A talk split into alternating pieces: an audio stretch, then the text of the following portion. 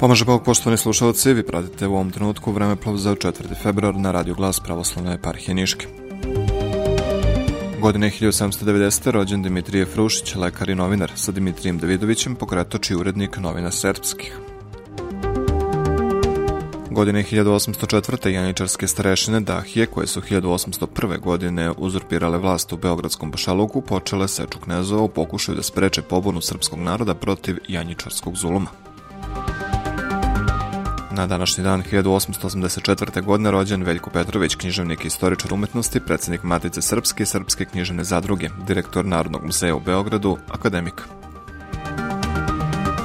Takođe je rođen i Dragoslav Stojanović na današnji dan 1890. godine, srpski slikar, karikaturista i novinar.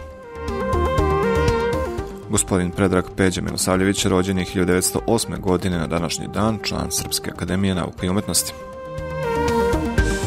Godine 1927. upokojio se Serdar Janko Vukojtić.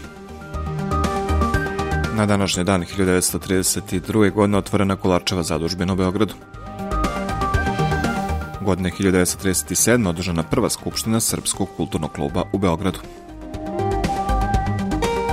2003. godine upokojio su gospodu episkop Žički Stefan Boca. Vladika Stefan je rođen u selu Munjaviju, gde je u roditeljskom domu primio lepo hrišćansko vaspitanje. Tu je i osnovno školovanje završio.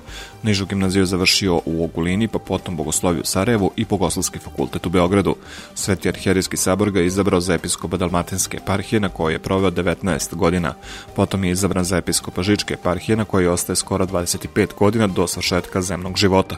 Opelo i sahranu manastir manastiru Žiča 6. februara služio je patrijarh Srpski Pavle u sasluženje velikog broja episkopa, sveštenstva i monaštva kao i uz prisustvo mnoštva naroda. Poštovani slušalci, pratili ste vreme plov radija glas pravoslavne parhije Niške za 4. februar.